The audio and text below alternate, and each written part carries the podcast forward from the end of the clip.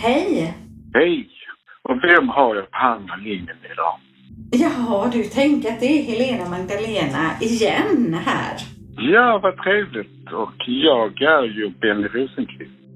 Men vad är det du sysslar med då? Jag arbetar som medium, astrolog, författare, föreläsare och poddare. Och vad gör du? Jag är eh, livsnjutare, jag är medium, påkört sådant och jag är författare, skribent och jag, eh, ja, jag poddar med det. Så att, och sen är jag guru, balinesisk. Nu när jag inte kommer till Bali får jag säga att jag är balinesisk guru också. Mm. Och det betyder att man leder folk i kunskap mot ljuset. Det låter sådär liksom guru, men det är ju att man eh, undervisar, så du är ju också guru på ett sätt. Mm. Mm. Ja, precis. Precis, ja vad fint. Balinesisk guru. Ja, vi får hoppas att vi snart kan komma till Bali i alla fall. Mm. Och vi får göra våra inre resor så länge nu. Det vi kan resa våra yttre. Mm. Mm. Ja, och det är ju oerhört värdefulla resor de vi gör inom oss själva. Mm. Och jag kan ju bara nämna det bara väldigt snabbt innan vi kommer in på kvällens tema att vi har ju nu planeterna som bidrar med väldigt stark intuition de kommande månaderna.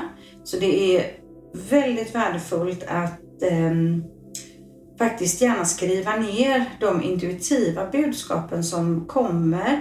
Och utifrån det så är det ju så här att är det full fart hela tiden och man reser och far och, och flänger och är omgiven av människor och sådär. Då, då kan man ju missa. Men nu har vi ju möjligheter kanske att få lite mer tid för oss själva och lyssna till intuitionen för vi har underbara planetmöten hela vägen fram till slutet av april, alltså in i, i maj med väldigt stark intuition för himlens guru. Jupiter möter himlens mest spirituella planet, Neptunus och det är ett sånt där wow-möte för våran intuition nu. Jättebra. Mm. Men då, eh, vi ska gå in och jag älskar ju att få problem. Gör du Mm. inte det också? Är du inte den som säger Jippi, jag har fått massa problem. Gör du inte det? Jo, absolut. Så jag känner ju någonstans, brukar jag ju nästa tanke också tänka, vad är det nu jag ska lära mig? Och vad är det, vad, hur ska jag utvecklas för detta problemet? Varför sker det av den anledningen? Eller varför träffar jag just den människan som eh, ger mig den här, det här, det här problemet jag måste lösa? För en Mm. läromästare. Så att det är så fantastiskt när man inser att man inne i sig själv har svaret och lösningen. Och att Mm. man i huvudet gör problemet större. Men som du sa, intuitionen. Om man är i intuitionen så känner man att här fixar jag. Om jag inte grubblar för mycket. Så ofta skapar vi större problem i våra tankar än vad det är. Och vi har mycket, mycket mer resurser med oss i lösningsorienterade saker i vårt hjärta och vår själ. Mm. Ja, precis. För hjärnan fungerar ju på det sättet att den söker likheter. Eh, Så börjar vi ha för mycket fokus på att vi inte kan lösa saker och ting. Då, då snurrar ju tankarna iväg som en torktumlare som bara snurrar runt, runt, runt, runt, runt, runt, runt så här. Mm. Eh, Så det är ju precis som du säger, det är väldigt värdefullt att, att bryta det, att inte fastna i tankarna. Utan man, man kan också vända på det. För varje problem, så som jag ser det, är ju en möjlighet till utveckling. Det är en möjlighet att kanske gå en annan väg, kanske göra på ett annat sätt. Och när man släpper in istället tanken av att vad kan det här ge mig för möjligheter? Då öppnar man ju nya dörrar. Mm. Och om man tittar tillbaks också, om man nu ska reparera så har man ju klarat värre saker än det man står framför. Ofta. Och har man klarat värre saker så varför ska man inte klara detta? Mm. Eller hur? Ja, tror du att det är så Benny? Eh, Jag tycker det är så intressant liksom när vi diskuterar så här. Eh, och jag har hört så många gånger i mitt liv att vi inte får större utmaningar och problem av vad vi klarar av. Tror du att det är så? Absolut. Och jag tror också att vi får val att välja bort det vi absolut inte klarar av. Att vi kan välja det till ett annat liv. Så man kan liksom skjuta det åt sidan så att säga. Men vissa saker, vissa saker ska man gå igenom för att det har vi tagit på oss som en livslärdom eller detta ska vi kunna så att säga. Mm. Jag tycker om indisk filosofi på det sättet att Ganesha säger, och han är ju lite sådär så att han ger oss en paket och så säger jag det är en utmaning. Och jag tänkte, jag fixade, jag fixade det här paketet, jag förstod vad utmaningen var. Men mm. sen är han så finurlig så han packar om det. Så får man samma problem fast ompackat. Och det kommer in på ett annat sätt och då, vad ska jag göra av detta? Så packar man upp det, tänker man. Och sen kommer, efter ett par år, så tycker man man kan det här som man då studerat. Så kommer det en helt annan form, fast ändå samma problem. För mm. att man testas av livet och man verkligen kan det här. Och man testas till man har lärt sig det totalt för att kunna lämna det. Mm. Jag brukar säga att man testas i huvudet, i hjärtat och i själen. För man testas på olika plan i, i systemet för att man ska kunna ta till sig det för att kunna lämna det för som en kunskap, livskunskap. Mm. Mm. Ja, i huvudet, i hjärtat och i själen. Ja. Och det är väldigt fint när du säger så, eh, kände jag. Det slog an hos mig. För eh, om man säger tankarna, tankarna är ju väldigt logiska och analytiska. Eh, och där, liksom när vi börjar grubbla, då är det ju så att vi har ju inte lösningarna. För hade vi haft det i hjärnan så hade vi ju fått lösningarna. Eh, och då, det är ju då som det är så fint att i meditation gå in i intuitionen och möta upp själen, sitt högre medvetande. För det är ju där man kan se det ur andra perspektiv, vrida och vända på det. Och det var också jättefint det här med Ganesh, att man kan packa upp det och stuva om det lite grann. Jättefint där, verkligen. Och sen till exempel om man är i en relation och man känner, ofta är det ju liksom i hjärtat och själen så har man kärleken till den man lever med. Men förnuftet säger i huvudet att jag kanske ska inte leva i, eh, med den här personen. Det är någonting som är fel. Men kärleken säger och hjärtat säger och själen säger att du är inte färdig med den här personen och hjärtat, hjärnan försöker prata med hjärtat och själen försöker prata med hjärtat. Men ändå så älskar man den här personen som är omöjlig. För man, mm man vet, och då intuitivt har man fått det till sig allra först i sin mm. magkänsla, att den här personen ska inte ha, men man dras till, man kallar inte det för problem, men det är ju en problemrelation. Men det är ju inte egentligen för att man har ju lekt till det för man kan få karma ihop. För att det är menat att detta är ett lärospråk för att du ska förstå vem du är och vem du egentligen ska älska. Och mm. när du då är färdig i dina tankar och ditt hjärta och din själ och alla är överens, vad händer då? Jo, då kan mm. man lämna den kärleken, för det är den färdig. Då har man fått kunskap om karma som man har haft med den. Mm, just man har det. Valt. Visst är det häftigt? Ja, det är verkligen, det är verkligen jätte, det är jättehäftigt att ställa det i ett sådant perspektiv. Eh, och jag har liksom förhållit mig till det genom livet. När saker och ting har varit väldigt, väldigt utmanande och väldigt tuffa och, och väldigt svåra. Så har jag liksom förhållit mig till det att det finns en mening med att jag ska gå igenom det här och det finns en mening med att jag ska lära mig ur det här som kommer. Och när jag blickar tillbaks i mitt liv så de perioderna som egentligen har varit de tuffaste, de mest utmanande, de mest svåra tiderna, det har varit de tiderna när jag har utvecklats på ett oerhört positivt sätt. Och det har jag kunnat se först senare, när det är klart liksom. Så säger jag också till exempel både när det gäller vänner som har utmanat en, kollegor, klienter, kärlekar som har varit Mm. komplicerade så har jag utvecklats mest. Mm. Så det är ju fantastiskt med de människorna som kommer i vår väg som kanske vill utmana mig för att de är annorlunda. Mm. För de tillför ytterligare en dimension i någonting som jag inte har. För att jag ska växa mer. Ja. Ja. Ja, eh, och jag tänker på när jag var ung, när jag var liten, så var det vissa perioder i mitt liv som var tuffa och utmanande. Men då hade jag, jag hade liksom en sån här känsla av att redan som liten alltså så hade jag känslan av att jag ska lära mig någonting ur det här. Det är det här som kommer att göra mig till den jag ska bli när jag är vuxen sen. Mm, mm, Eh, och då var jag typ, jag var i 13-årsåldern, för det var också när jag var i 13-årsåldern som jag gick första gången hos en kurator på skolan. Jag hade så mycket känslor inom mig och det var ganska mycket kaos inom mig då.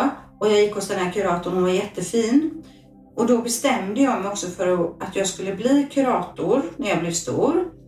Eh, och sen har jag kunnat se utmaningar som jag gått igenom i livet som, som en skola, som en förberedelse för att jag ska kunna möta människor i full förståelse och med ödmjukhet i, i min yrkesprofession också som vuxen sen. Mm. Och, jag, och jag visste det liksom att det här, det här måste jag gå igenom nu. Annars kommer jag inte att lära mig någonting. Jag kan säga att jag har haft en förfärlig barndom. På Mm. alla sätt, alltså psykiskt, fysiskt och intellektuellt och utmanande. Mm. Jag förstår när människors lidande är och hur de lider tack vare vad smärta är. Ibland är det, jag vill inte att någon ska gå igenom det jag gått igenom. Jag vill inte att, det, det vill jag inte säga, men jag känner någonstans att man kan, jag kan använda mig av en empati i smärta Ja. för att jag kan ha, jag har känt smärta. Ja, precis. Eh, och jag kan känna så här att det är ju det som... Eh, så här, alltså, det är ju det som har gjort dig till den du är. Till den du kommer att bli. Hade du haft en eh, väldigt lugn och harmonisk barndom så, så hade du ju inte varit den du kom att bli. Så ser jag det. jag kanske inte har varit fullt det, men jag tror jag har med mig mycket också från tidigare liv. För eh, jag har säkert haft utmaningar likt det jag har haft i detta livet, fast på ett annat sätt. Mm. Jag kanske utsatt någon för detta omvänt, någon av mina barn för det jag varit med om. Och då fick jag det inifrån och se som barn. Men det är Mm. så spännande när man tittar i större perspektiv att eh, det har ett större funktion. Att i detta livet så är det det, den kunskapen jag skulle få. Som Mm. min syster sa en gång att ja, hon tyckte att vår barndom var som ett koncentrationsläger. Så sa hon, det kan aldrig bli jävligare än det var när vi var små för koncentrationslägret är över. Och så har det faktiskt varit att mitt liv har blivit underbarare och bättre hela tiden. Och Mm. vad som än har hänt så har det varit lättare än vad vi hade när jag var liten. Mm. Och sen har jag lärt mig också vem, tack vare att man kommer från en sån familj, att jag känner vem jag kan lita på. Min intuition säger när det är någon som är bra och någon som är dålig. Och ibland Mm. har jag inte lyssnat på den och då har jag fått mina käftsmällar för jag har velat tro gott om vissa människor men där har jag liksom blivit sur på mig själv för att jag inte har lyssnat på det jag har känt. Ja. Mm. Ja, precis. Och det, då har det kanske också varit en, en mening ändå, att du inte gick på känslan vid de tillfällena. Eller vad tror du? Absolut. För då, Mm. nästa gång så är jag mer rädd om min intuition eller vet hur min intuition fungerar. För då vet jag, så här känns det. Det var ju verkligen så när jag kände att det var fel. Och det här känns det när det är rätt. Så man, det är lite jobbigt med sin intuition att veta hur den fungerar och åt vilket håll den går. För man Sen känner man sig säkrare när man mer använder den som ett instrument för att läsa av där man behöver den. Mm. Och det tycker jag är skönt att bli vuxen. Så att säga på det sättet att man har ju instrumenten tydligare. Och man har gått Mm. på många smällar. Men Ja. fortfarande så går man på dem. Om man, som de är omförpackade som jag sa innan. Ganesha, han gör det i snygga förpackningar. Så tänkte man shit. Det var den typen av människa som jag skulle akta mig för. Hur dum får jag lov att bli? Ja, just det. Ja, precis. Och därför, jag tänker också på det att det är så oerhört viktigt det här att gå på känslan. Jag har verkligen uppfostrat mina tre döttrar i det. Att hitta intuitionen och följ den. Och, och jag har varit väldigt peppande i det även med unga klienter som jag har. För när man har en känsla så är ju den känslan sann. Men det är ju så här också när man är kanske lite yngre Eh, och inte har riktigt den livserfarenheten. Då är det ju kanske lite lättare också att man lyssnar på andras logik eller andras tankar om, om saker. Men känner man att det är någonting som inte känns bra, det kan ju vara att man ska börja på ett nytt jobb eller det kan vara en ny relation eller så här. Då har man ju fått den här informationen av att det är någonting här som inte är, som inte är bra och det tycker jag verkligen att man skulle få lära sig i skolan att hitta sin intuition och lyssna på den. Tänk vad bra det hade varit. Men jag var med om något jättehäftigt för ungefär, det är snart 20 år sedan precis. Mm. Så hade jag också en medial kompis som eh, jag fick erbjuden att skriva en bok. Och så Mm. berättade jag det för henne så sa hon, nej Jenny, det kommer att bli förfärligt om du skriver bok. Du kommer stoppa ner, det kommer göra så mycket skit för dig och det är inte bra för dig. Mm. Och hela mitt inre hade fått till sig att jag skulle skriva boken och att det var Mm. rätt. Och att det kom till mig av en anledning och att det skulle hjälpa många människor när jag skrev min första bok Överlevare. Mm. Och hela, mitt in, hela min intuition sa, men hon var så övertygande så att... Och sen gick jag hem och så frågade jag min guide, varför är hon så negativ till detta som jag känner så positivt? Är det jag som så gärna vill detta? Och inte är, är det min intuition utan detta är min känsla som i mitt huvud som lurar mig. Men Mm. det sa min guide att hon är avundsjuk. Hon Ja. fått erbjuden om att skriva den här boken och hon skulle gärna vilja få, hon känner på dig att säga att hon, du kommer få en enorm möjlighet att synas och finnas och få hjälpa människor på ett annat sätt än vad hon har. Så Mm. hon ville stoppa och begränsa mig. Så därför är det viktigt att man också, när man får råd alltså, Mm. och kritik, också att de är objektiva. Så man känner också att detta kan jag ta till mig. Detta är ingen avundsjuka, utan detta är eh, ingen missunnsamhet, utan detta är verkligen ett råd som vill hjälpa mig. Mm. Mm. Och Mm. vilket syfte, för det finns ju vissa som inte har rätt syfte i vad, vad de ger för råd till en. så att säga. Och då är det viktigt att man känner vad man får till sig. Det är därför jag tycker när man går på en sittning till exempel att man känner också att det känns rätt. Ja men detta, det mediumet säger är ju faktiskt så jag känner. Det Mm. bekräftar mig och det bekräftar vad jag är i livet. Och känner man, jag har varit på många sittningar för jag har testat många och då har man känt att nej, det där med att jag ska få fyra barn, att jag ska få en, eh, en kvinna som inte är så blyg, det tror jag inte stämmer. Och det Nej. har faktiskt inte stämt alltså. Och Nej. sen gick jag till samma medium. Året efter så var det två barn bara. Och, och, eh, men då var hon mindre blyg den där kvinnan jag skulle träffa i alla fall. Och Mm. sen så var det då att jag inte skulle få någon barn och då började vi närma oss det som jag kände skulle bli i mitt liv. För hela mitt inre, fast jag längtat av efter barn, så min inre röst sagt att det blir inga barn i detta liv. Mm. Mm. Men det är spännande. Så när man går på en sittning så ska det också kännas att ja, men det är rätt. Detta känner jag. Ja. Ja, det är, det är jätteviktigt. Jag har också gått eh, hos många medium eh, och eh, gjorde ju det där när jag var liksom från, från 20 uppåt. Och eh, jag vet ibland att vissa medium, jag har mött fantastiska medium, absolut. Men ibland så har jag också känt det att det här mediumet överför tankar till mig istället. Alltså tankar och idéer som den själv har. Jag vet att det var en, eh, en person en gång, ett manligt medium och då var jag, då var jag ung, jag var i 25-årsåldern och det var en jättefin sittning på väldigt många sätt. Men så säger han till mig att du ska skriva en bok om det här att vara ensamstående mammor. Eh, mamma, för jag var ensamstående mamma då. Eh, och att det är för att vi ska liksom föda den här feminina kraften ännu mer. Därför växer många upp bara med sina mammor om man säger. Och eh, det, var, det, det, var ett jättefint samtal. Men när han sa det att du, du kommer att skriva en bok om det här.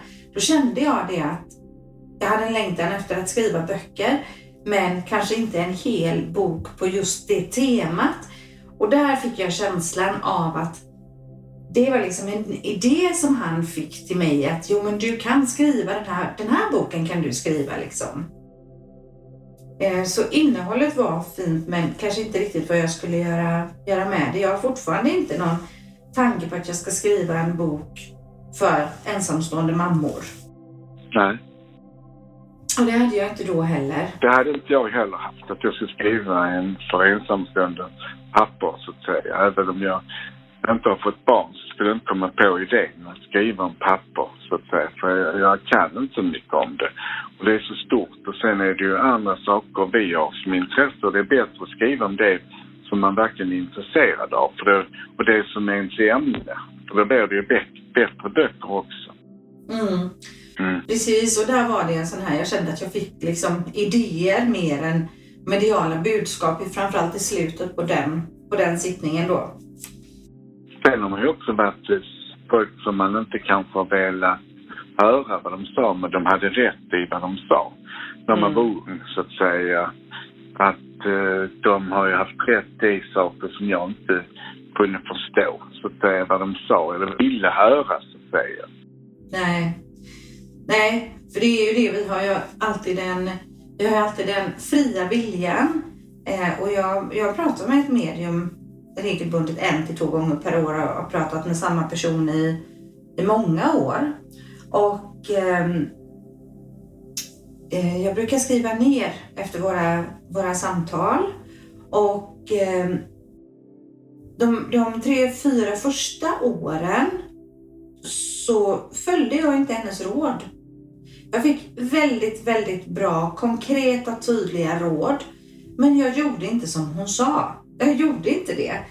Eh, och där kunde jag, ha, om jag hade gjort mer, följt hennes vägledning, så hade jag verkligen kunnat eh, slippa en hel del bekymmer som jag fick av människor som inte alls visade sig vara de som jag ville att de skulle vara. Så efter tre, fyra år så började jag följa och lyssna och göra, göra som hon sa. Och då blev det mycket, mycket bättre. Så ibland kan vår egen vilja vara så stark att vi gör andra val istället för att följa vägledningen. Mm, mm, sant. Mm. Och eh, men det är spännande med råd egentligen så att säga. Visst är det fantastiskt med när man känner att det är ett gott råd och när man känner att man inte tar till sig det. Men ibland känns det som man får råd från sin guide och det kommer överallt ifrån och man vill ändå inte förstå det för den, de använder massor, de kan använda man får det, ser det som en, någonting, en tidningsartikel och man ser det plötsligt som någon som säger det till en. Och, och sen så är det något tv-program så är det nästan som man tänker, har de gjort detta tv-programmet till mig? För det är mm. liksom som man får, det kommer tydligt till en. Mm. Om och om igen. Det, ja.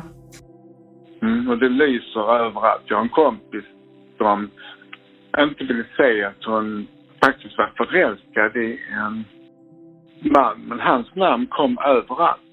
Jag såg Mm. bussar, såg nummerskyltar med hans namn och det stod överst i tidningar och sen var det då någonting annat och så började folk prata om honom. Vad sa du för någonting? Men då, jag sa ingenting. Så hon, men till slut så insåg hon att de hade pratat om hennes käraste och idag är de så, då var ju själsvänner men hon var så rädd för att det kunde bli så bra. Hon har bara träffat skitstövlar så hon vågade inte tro att det fanns en sån underbar människa till henne. Ja. Och eh, sen tyckte hon liksom att han, han är nog tråkig eller han är nog för snäll för mig och han är allt fantastisk. Så att hon, de är jättelyckliga nu och har barn och allting och lever fortfarande tillsammans. Mm. Så fint. Nej, men det är ju så. Vi har ju de här försvarsmekanismerna som kommer upp liksom. Som gör att vi kan vara, vara i en sån här förnekelsefas. Och det är ju därför ibland kan det ju vara som så att andra människor runt omkring förstår ju snabbare än vad man själv gör. Framförallt om man håller på att bli förälskad eller kär och, och så här. Eh, för det är, det är ju det är ju lite läskigt det här med att bli sårbar och kärlek och möta någon och, och så här. Det märker, det märker man ju ofta att människor är lite rädda för det. Kärlek som är så underbart. Så kan man tänka då på andra sidan guiderna. Nej men herregud, nu fick jag ju så klara tecken. Fattar de inte? Kan hon inte fatta? Hur ska jag med att göra för att hon ska fatta liksom? Ja, precis. Jag tänker det ibland. Mm. Ja, min guide där uppe, vi skrattar ofta tillsammans. Och jag tänker det att jag måste ju vara liksom bland de mest trögfattade som, eh, som han guidar någonsin. För jag kan få så tydliga tecken och jag vet precis, men så är det som att jag bara ändå inte riktigt, jag har blivit bättre på det de sista tio åren. Men eh, det, det är som att jag blir överbevisad gång på gång på gång på gång. Och ändå så tvivlar jag. Tänk vad viktigt det är det här med, med tilliten och att, att vå, våga ta till sig sin guidning och följa det. Det blir ju så underbart fantastiskt när man gör det. Och så ibland så kan man guiden säga, kör inte på denna vägen, det blir problem. Och vad gör Mm. man? Man kör dit för man vill ha utmaning. Man tänker, nej men så kan det inte bli för man känslan, för de använder intuitionen. Och så blir det, de har så rätt guiden så inte klipper det den skumpigaste väg och jobbigaste period i ens liv men man väljer den då. För Ja. man vill ha, man tänker man måste ha en utmaning, man vill växa mer. Mm. Men istället kunde de guidat en igenom. Men man hör deras inre röst som en GPS. Just nu är du på fel väg. Försök att vända tillbaka. Så ändå fortsätter man rakt fram. Använd nästa rondell till att göra en U-sväng. Nej, jag fortsätter. In i, in i elden. Var i Ja. så Ja. Tack Ja. för arbetaren. Ja men precis och sen så står man där och så vet man det att jag fick ju alla tecken på det här och ändå så gick jag rakt in i, i det här. Men jag tänker Benny också, eh, där vi började samtalet lite det här då just med problem och utmaningar som får oss att, att växa, eh, vilket vi får eh, på alla möjliga sätt. Men vi säger liksom, har du något sånt där bra konkret tips till våra lyssnare? Liksom, hur ska man tänka? Vad ska man göra när man står där och tycker att det blir lite övermäktigt? Vad är, vad är dina bästa råd där? Jag går ner i magen och känner om det känns lugnt eller inte. Mm. Och så tänker jag alltid på den här munken som jag fick till mig som vaknar var morgon. Och när han hade en negativ tanke så fick han rita ett svart streck. Och Mm. till slut hade han ett svart tak men han fick istället börja tänka positiva lösningar och, och tänka, då fick han rita ett vitt streck. Så Mm. vet du vilket tak han har nu? Mm. Nu har han ett vitt. Alltså någonstans, vilket tak vill du ha? Så är du den som ska skapa problem och göra dem större än vad de är? Eller Mm. har du, ser du lösningar på det och ser vägen till det vita taket? Hur vill du se? Mm. Bra. Bra, för Det är som Kofi Mm. Annan, Malou von Sivert pratade ju när hon sommarpratade om Kofi Annan. När hon hade haft honom i studion så visade han ett vitt papper och så en svart prick, en liten svart prick. Och vad ser vi människor först? Mm. Ja, pricken. Vi ser, vi ser inte det stora arket, det vita, utan vi ser den svarta pricken. Ska vi Mm. koncentrera oss på det svarta eller på det vita? Mm. Ja. ja, precis. Nej, men det är bra för jag brukar också jag brukar också göra så här när jag står i någonting. Eh, så brukar jag skriva ner mina tankar om jag har möjlighet då, om det är ett större problem och bekymmer. Det är som att jag kan ha ett behov av att skriva bort de här tankarna. För efter det så blir det lättare för mig att hitta intuitionen.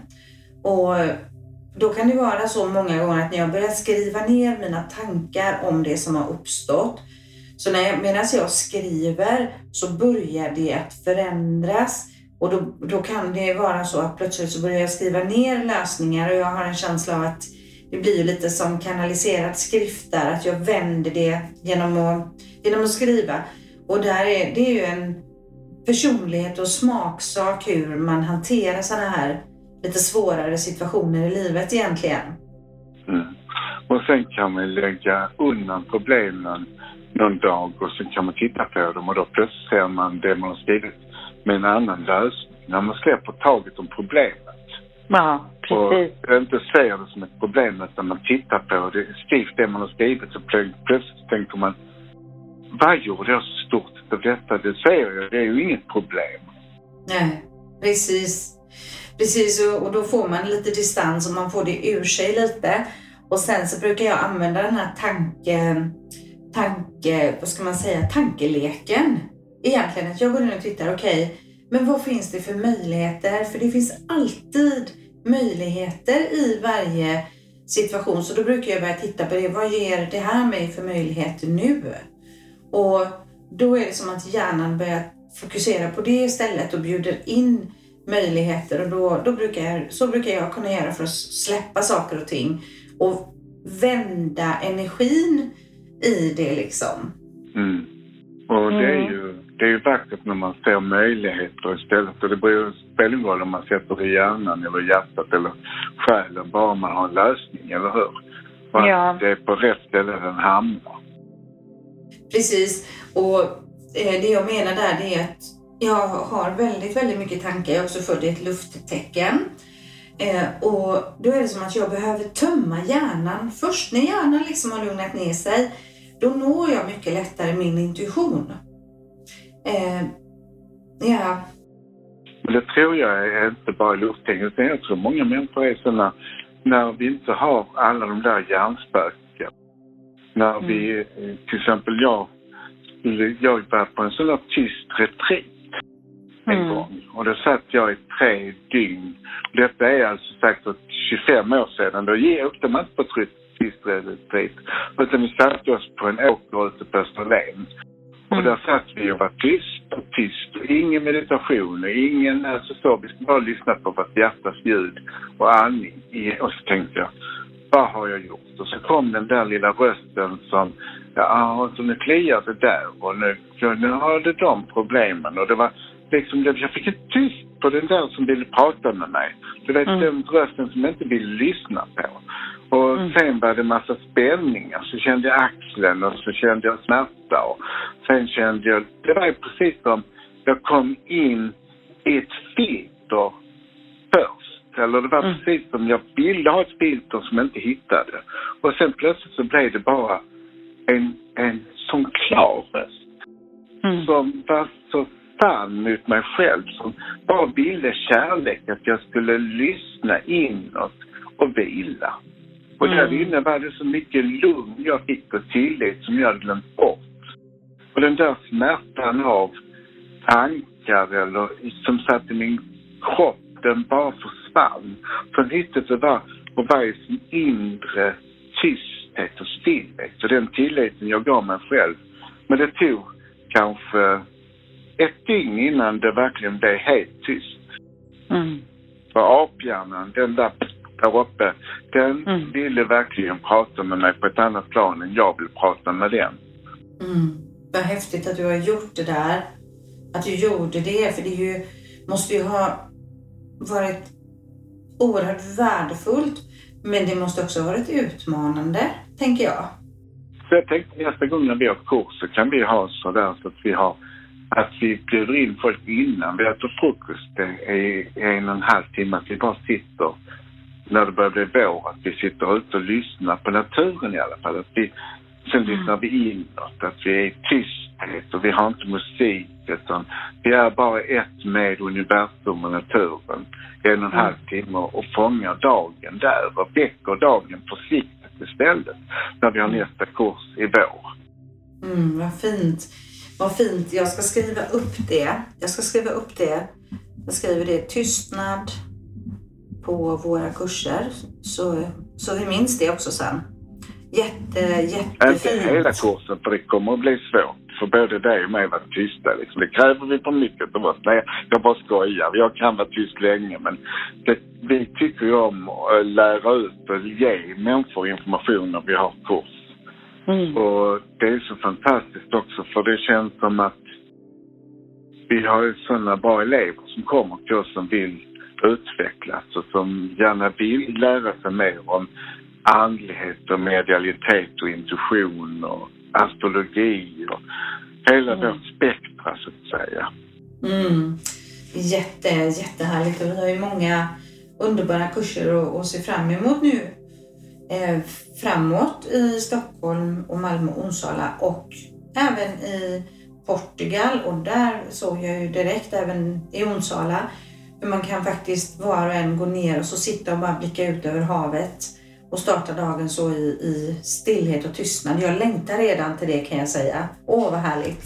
Mm. Och det kan man ju med också när vi är här, för vi har Sibab och vi har bron här nere. Så man ja. kan sitta och titta ända till Köpenhamn. Och där har man inte bara universum utan man har eh, hela Europa framför sig. Mm. Underbart. Vilken bra idé. Den skrev, jag, den skrev jag upp här nu efter. Men var hittar man våra kurser lättast? Eh, man hittar dem på www.thelighthouseonsala.com. Där finns de. Där måste jag gå in och titta för det har inte varit självbeställt. Så måste jag se vad vi gör för någonting. Så jag vet vad vi ska göra. Ja, precis. Nej, det vet Jättebra. jag Vi har lagt upp jag har bara varit med och lagt upp det så jag vet. Men ibland så känns det roligt att se hur det ser ut, hur fint det är på vår hemsida, eller din EFC hemsida och mm. vårt samarbete där. Det tycker jag är kul. Och vi har ju Anna-Lena Wikström också som jobbar med oss och sen har vi Saad som heter, heter han i efternamn? Saad Avivi. Avivi. Mm. Mm. Så det är ja. fantastiskt. Vi har blivit en härlig fyrklöver som jobbar tillsammans här. Och sen har vi Christer Boteus som, eh, som driver The Lighthouse Portugal då som öppnar i maj där vi kommer att ha kursveckor då istället för helgkurser, för det är lite längre. Det är lite, lite längre att åka till Portugal än till Malmö. Nej, det tycker jag inte. nej, nej, det är bra. Ja, men vilket, eh, vilket fint samtal eh, vi har haft. Eh, jättefint det här att eh, i svårigheter att hitta intuitionen, lyssna till sin guidning, följa den och vända saker och ting till möjligheter och att det är ett otroligt lärande och växande i de utmanande tiderna också. Mm. Och sen vill jag säga, visst är det fantastiskt att vi lever nu trots allt som händer. För hela världen är i utveckling och vi med den. Och vi får uppleva något fantastiskt. För vi upplever en förändring som inte har hänt på hundra tusen år. Så just nu håller vi på en ny civilisation att födas. En ja. ny tidsera. Och vi mänskligheten, vi växer extremt mycket just nu. Mm. Det är oerhört mäktigt och jag eh, fick syn här. Jag har en sån här Maya-kalender som jag köpte eh, i ett sånt här Maya-tempel i Mexiko. Precis när covid började var jag där. Och då blev jag bara så här, ja, så häftigt det är. Den gamla tiden skulle ta slut 2012 och eh, den gamla civilisationen och nu står vi här 2022 och någonting helt nytt föds framför våra ögon och jag håller med dig Benny. Det, jag är så otroligt ödmjuk och tacksam för att få vara på jorden just i den här omvälvande tiden. Mm. Är vi. Mm. Ja, så vi tackar för oss och vi tackar för att ni lyssnar på Så med tacksamhet så gör vi mycket. Tack så mycket. Tack så mycket. Tack eh, alla våra lyssnare och tack till dig Benny för ännu ett underbart samtal. Kram på er alla. Kram, kram. Hej då. Hej då. Hej.